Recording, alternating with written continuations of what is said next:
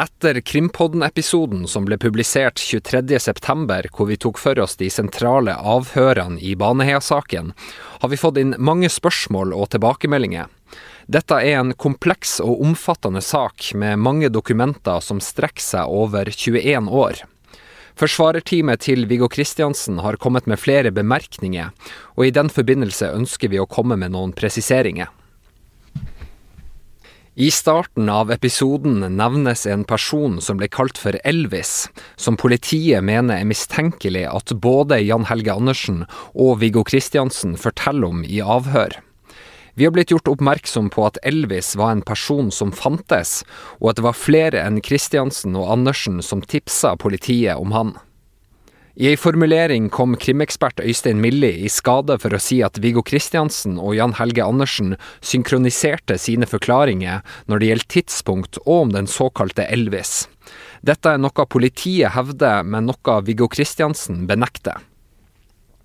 Og i ei formulering så sier jeg at Viggo Kristiansen og Jan Helge Andersen før rettssaken starta, langt på vei er enige om hva som skjedde fram til rundt klokka 19.30, dagen drapene skjedde.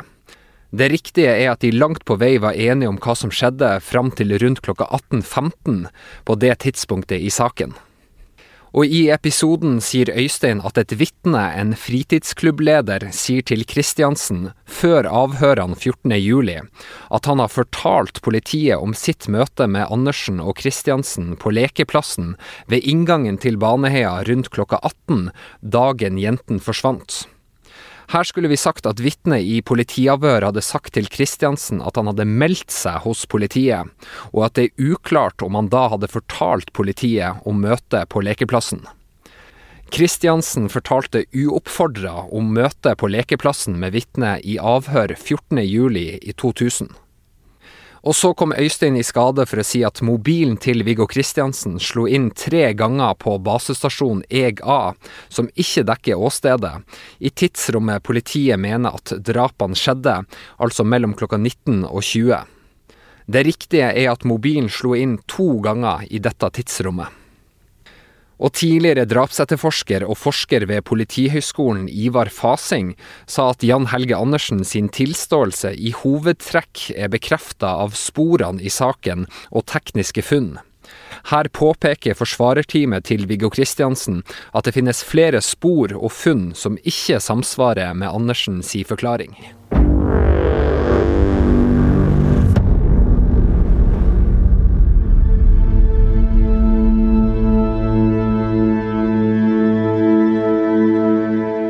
Tenk deg at du vil ut på en oppdagelsestur i skogen. Du har fått et tips om at det langt inne i Mossemarka finnes noen huler som kan være spennende å ta en titt på. Inne i skogen får dere øye på noe svart som glinser i en sprekk. Dette må undersøkes nærmere. Men funnet vekker raskt blanda følelser. Følger noen kriminelle med på det vi gjør nå? Bør vi kanskje komme oss ut av skogen så raskt som mulig og få tak i politiet? Dette er Krimpodden, og jeg heter Håvard Christoffersen Hansen.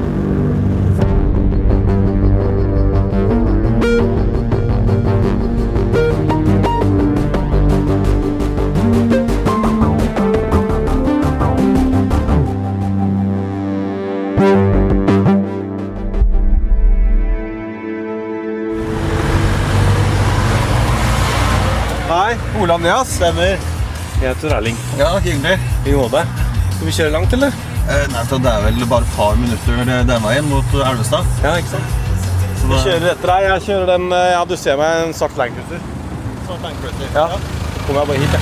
Hit. Ja. Vi skal til Moss i denne episoden. En 50 minutters kjøretur unna Oslo. Krimpoddens Tor Erling Tømterud møter Ole Bisseberg. En mann på 40 år som har en interessant historie å fortelle. Da kjører vi inn på parkeringsplassen her ved skauen. Mossmarka, ja. Det er bare parker her. Hei. Se her man går fra. Ja, vet du, nå har det blitt noen turer òg. Har du det? Ja.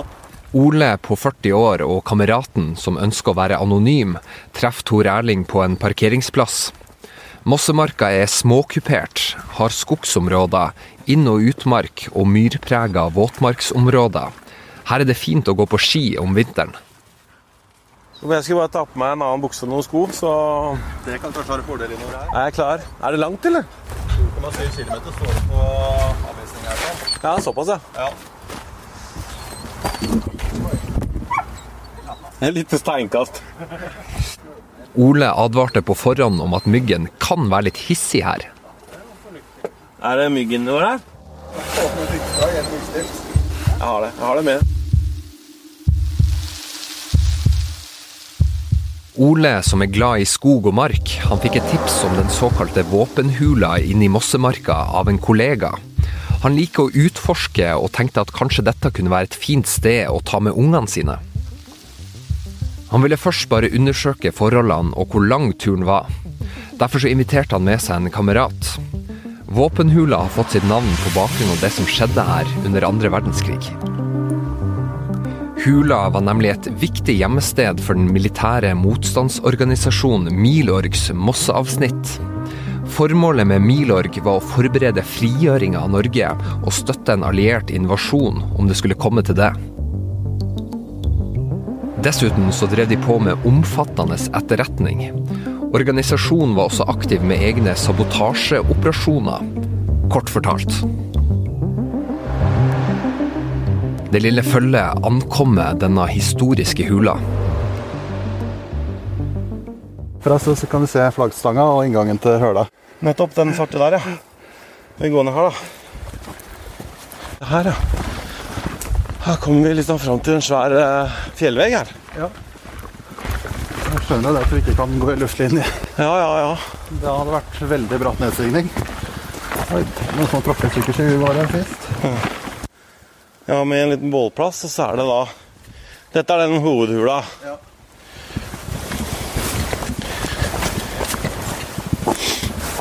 Åh, det er lukt, hvis du har lyst til å ta en titt inn. Ja, Du kan gå et stykke inn, eller? Du kan se. Utenifra så er det ikke så lett å se at det er ei hule. Det ser heller ut som en fin bålplass. Vi skal spole tilbake til 1944-1945, til andre verdenskrig. Noen dager etter jul i 1944 så kom det utstyr dalende fra himmelen her ved hjelp av en fallskjerm. Utstyret landa på et sted som heter Høymyr i Spydeberg, ikke langt fra Moss. Motstandsfolk hadde mobilisert og fikk frakta det videre, og man måtte være forsiktig for å ikke bli oppdaga av nazistene. Hele operasjonen tok flere uker. Til slutt så endte utstyret opp i det som nå kalles våpenhula her ute i Mossemarka. For at ingen skulle oppdage gjemmestedet, ble inngangen godt skjult. Men på et skilt utafor hula står det nå Våpenlager 1944-1945. Milorg-området 1121. Nå går jeg inn her, så er det da innover her, ja. Det er sånn eh, Er det steiner som har rast, eller er det Det er ikke bygd. Nei, det er nok ikke bygd. Nei. Det er jo ganske store steiner som er utenfor, som danner hula. Ja, ikke sant? Store steiner på utsida som danner hula. Så kan man gå inn her, og her ligger et liggeunderlag og Og noen sånne hulrom innover her, ja. Ja, det er kult. Er veldig godt egna sted for å skjule våpen, iallfall. Men Ole synes egentlig ikke at dette var så spennende.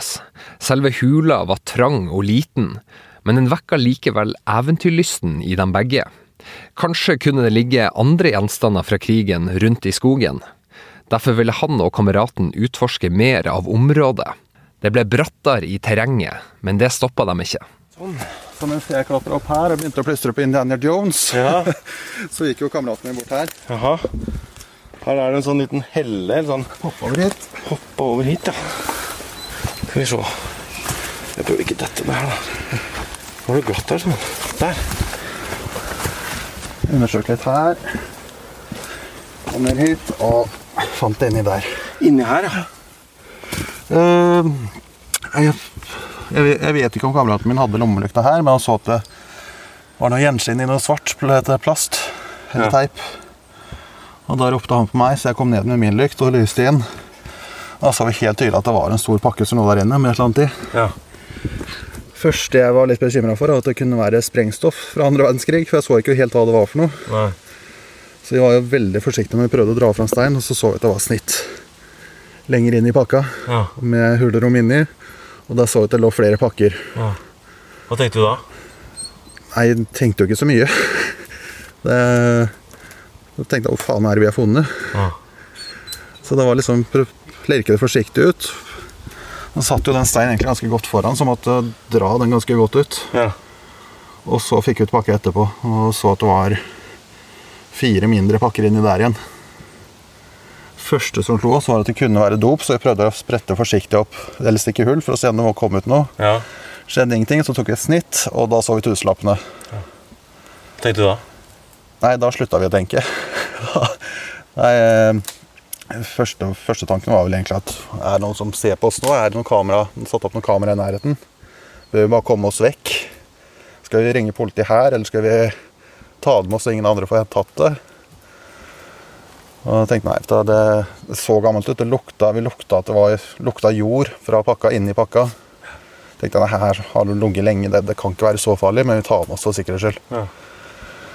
Så selve hovedpakka var altfor stor for sekken min, så vi måtte ta ut pakkene som var inni, og legge oppi sekken. Så vi tok jo med oss alt sammen. De går med bestemte skritt ut av skogen og tilbake til parkeringsplassen. Pengene frakter de hjem til Ole. Samtidig kommer samboeren min inn, og så ser alle pengene på bordet. Ja. Og får jo hakeslepp, hun òg. Ja. Og har jobba i Nokas tidligere, så hun var jo vant til å håndtere penger. Så, men før jeg tok pengene ut av sekken, eller pakken ut av sekken, så sprang jeg ned og henta engangshansker for å ikke ødelegge mer enn det, det vi hadde gjort, eventuelt bevis. Så etter det så hadde vi bare engangshansker mens vi håndterte det. Ja. Og mens hun begynte å telle, så gikk jeg og ringte. Ja.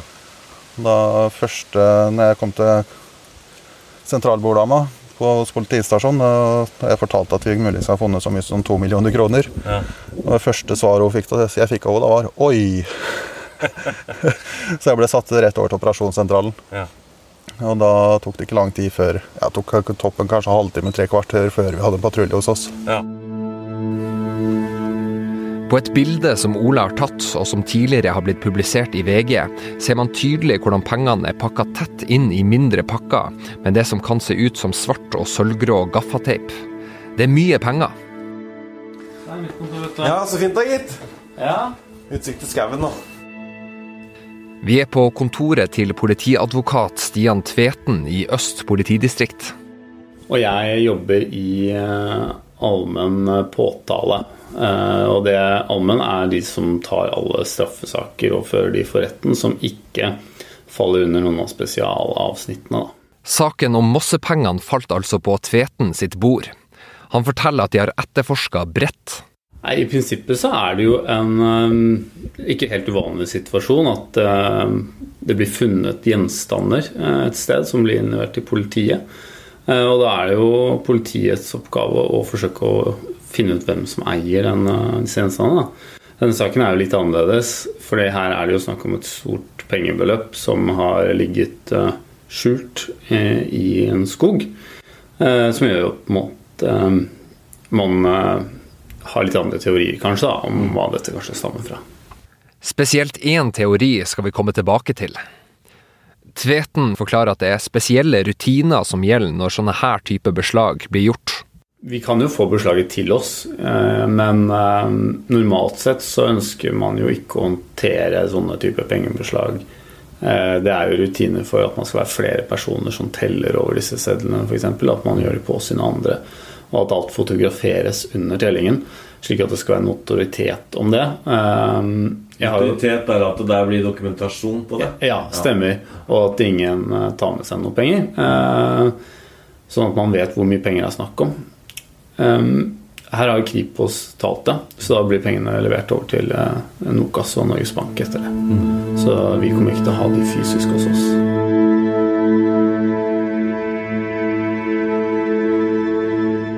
Politiet granska området ute i Mossemarka etter at de fikk melding om beslaget, men de har ikke gjort noen andre funn. Det har også blitt gjort analyser av både pengene og innpakninga. Hva kan du si om størrelsen og hvordan det så ut? Det var én pakke med eh, fire pakker inni. Eh, de var i sånn forholdsvis lik størrelse. eh, Firkantede, pakket inn i sort eh, plast. Og deretter eh, sølvfarget tape. Eh, Og så var det penger inni alle pakkene. Eh, Den ene pakken var noe større enn de andre. Hvor mye penger ble det til slutt, da? Eh, Nå har jo faktisk Kripos fått talt over disse pengene. Eh, Det som vi vet sikkert, er at det er ca. 1,5 millioner kroner. Og så er det én pakke der hvor eh, pengene var i såpass dårlig forfatning at det ikke lot seg telle. Da. Så vi antar at det er rundt 2 millioner kroner det er snakk om. Man har også funnet ut at disse pengene er ganske gamle. Så det å forsøke å betale for noe i en butikk med disse sedlene er en dårlig idé. Dette er jo snakk om sedler som ikke kan brukes lenger. Det er ikke gyldig betalingsmidler i butikk eller andre steder. Eneste måten disse pengene kan gi deg noe som helst verdi på, er å gå til Norges Bank og veksle dem.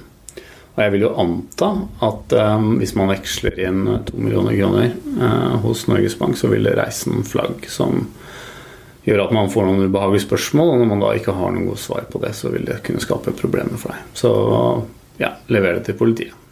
Ja, men dette, disse pengene her, da La oss si to, to millioner kroner. De er altså da så gamle at de kan ikke brukes i butikken lenger. Det stemmer. Det er eldre valuta før vi fikk nye sedler.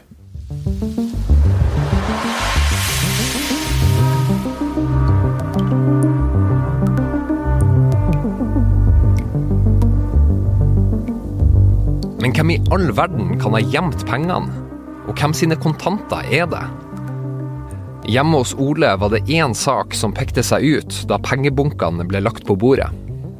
Og når vi så at det var liksom dreide seg fra sedler fra 99 til omtrent 2004, tror jeg det var vi så, så begynte vi å trekke noen konklusjoner at du kunne jo faktisk stamme fra Nokas. Med tanke på at det hadde blitt liggende, og ingen hadde rørt det, det måtte ha ligget der lang tid, i og med at det lukta også jord fra pakkene.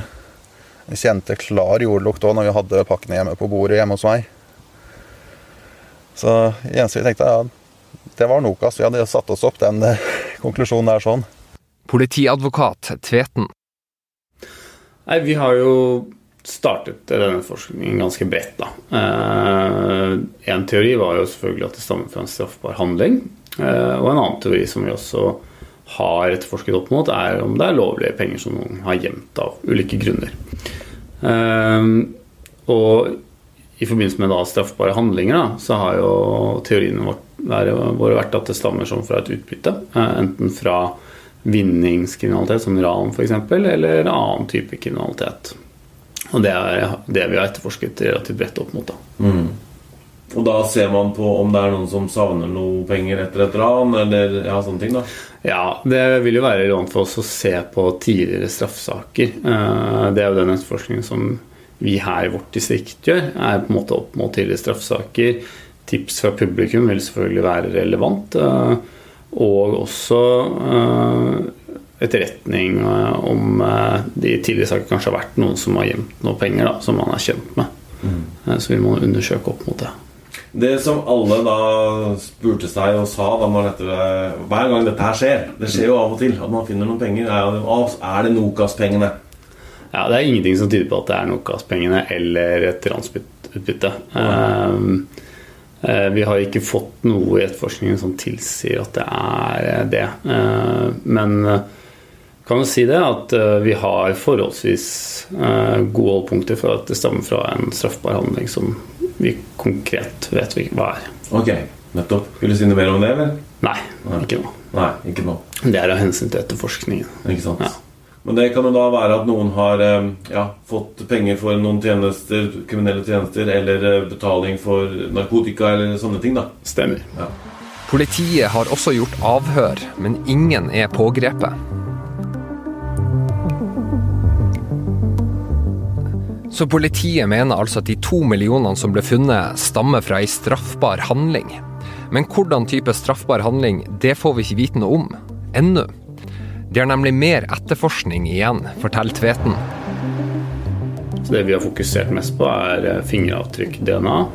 Eh, Men det har også vært ønskelig å gjøre undersøkelser opp mot pakkene og sedlene som sådan, for å se om det i seg selv kan gi noe spor og opplyse saken. Mm. Kan man finne ut via seddelnummer og sånne ting? Det er jo mulig, men eh, det er klart at um, akkurat hva man finner ut, og hvordan man må gå frem, um, det vil variere litt fra sak til sak. Og noen av disse sakene vil nok kunne la seg oppklare relativt enkelt. Uh, mens andre vil kanskje ikke la seg oppklare i det hele tatt.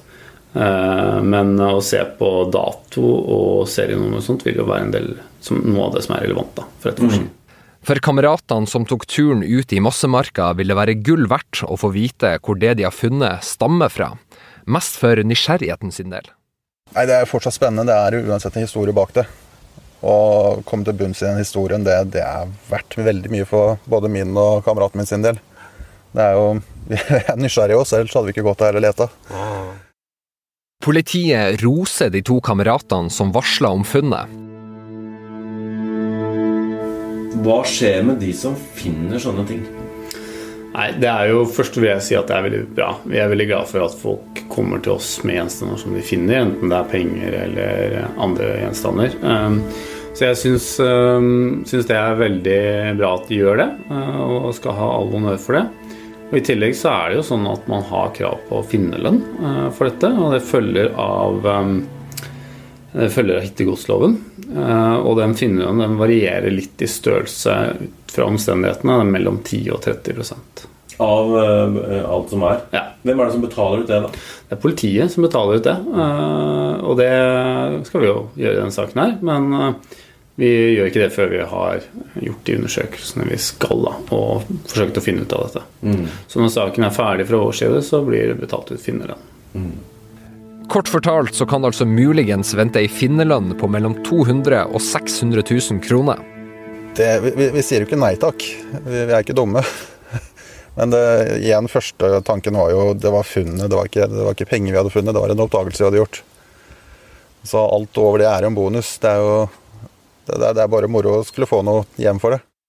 Hvis dere da finner ut hvem som har gjemt det der, eller, eller hvor disse pengene stammer stammer fra, kan det da løse noen andre saker?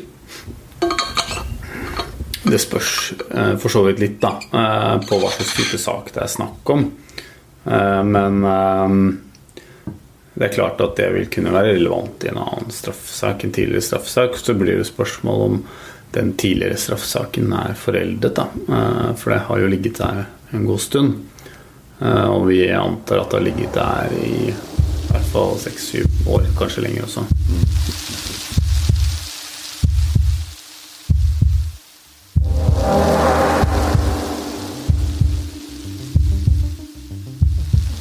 Jeg tenker Hvis de hadde gjort en god jobb, så hadde de ikke gjemt det på et sted sånn som det her. Med tanke på at det er, eh, det er populært turområde. Det er mange som kommer hit. Det er pensjonister vet jeg har, pleier å ha årlig treff her. Det er skoleklasser og speidergrupper som pleier å besøke hula og rappellere i fjellet. Og med, med, tanke på det, så er jo jeg av barn og hvert fall veldig nysgjerrig, så jeg hadde gått og utforska det jeg kunne. Og at jeg har klart å ligge her uberørt så lenge, det syns jeg er ganske utrolig. Skal dere prøve å lete etter flere ting her, eller? Nei, nå tror jeg ikke vi tør å finne mer. Finner vi noe mer nå, så bare går vi.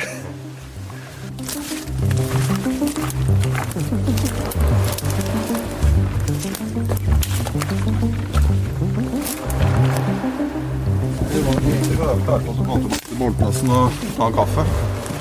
Ja, jeg har kaffe i sekken, jeg. Ja. Vil du ha kaffe? Vi tar en kopp der borte.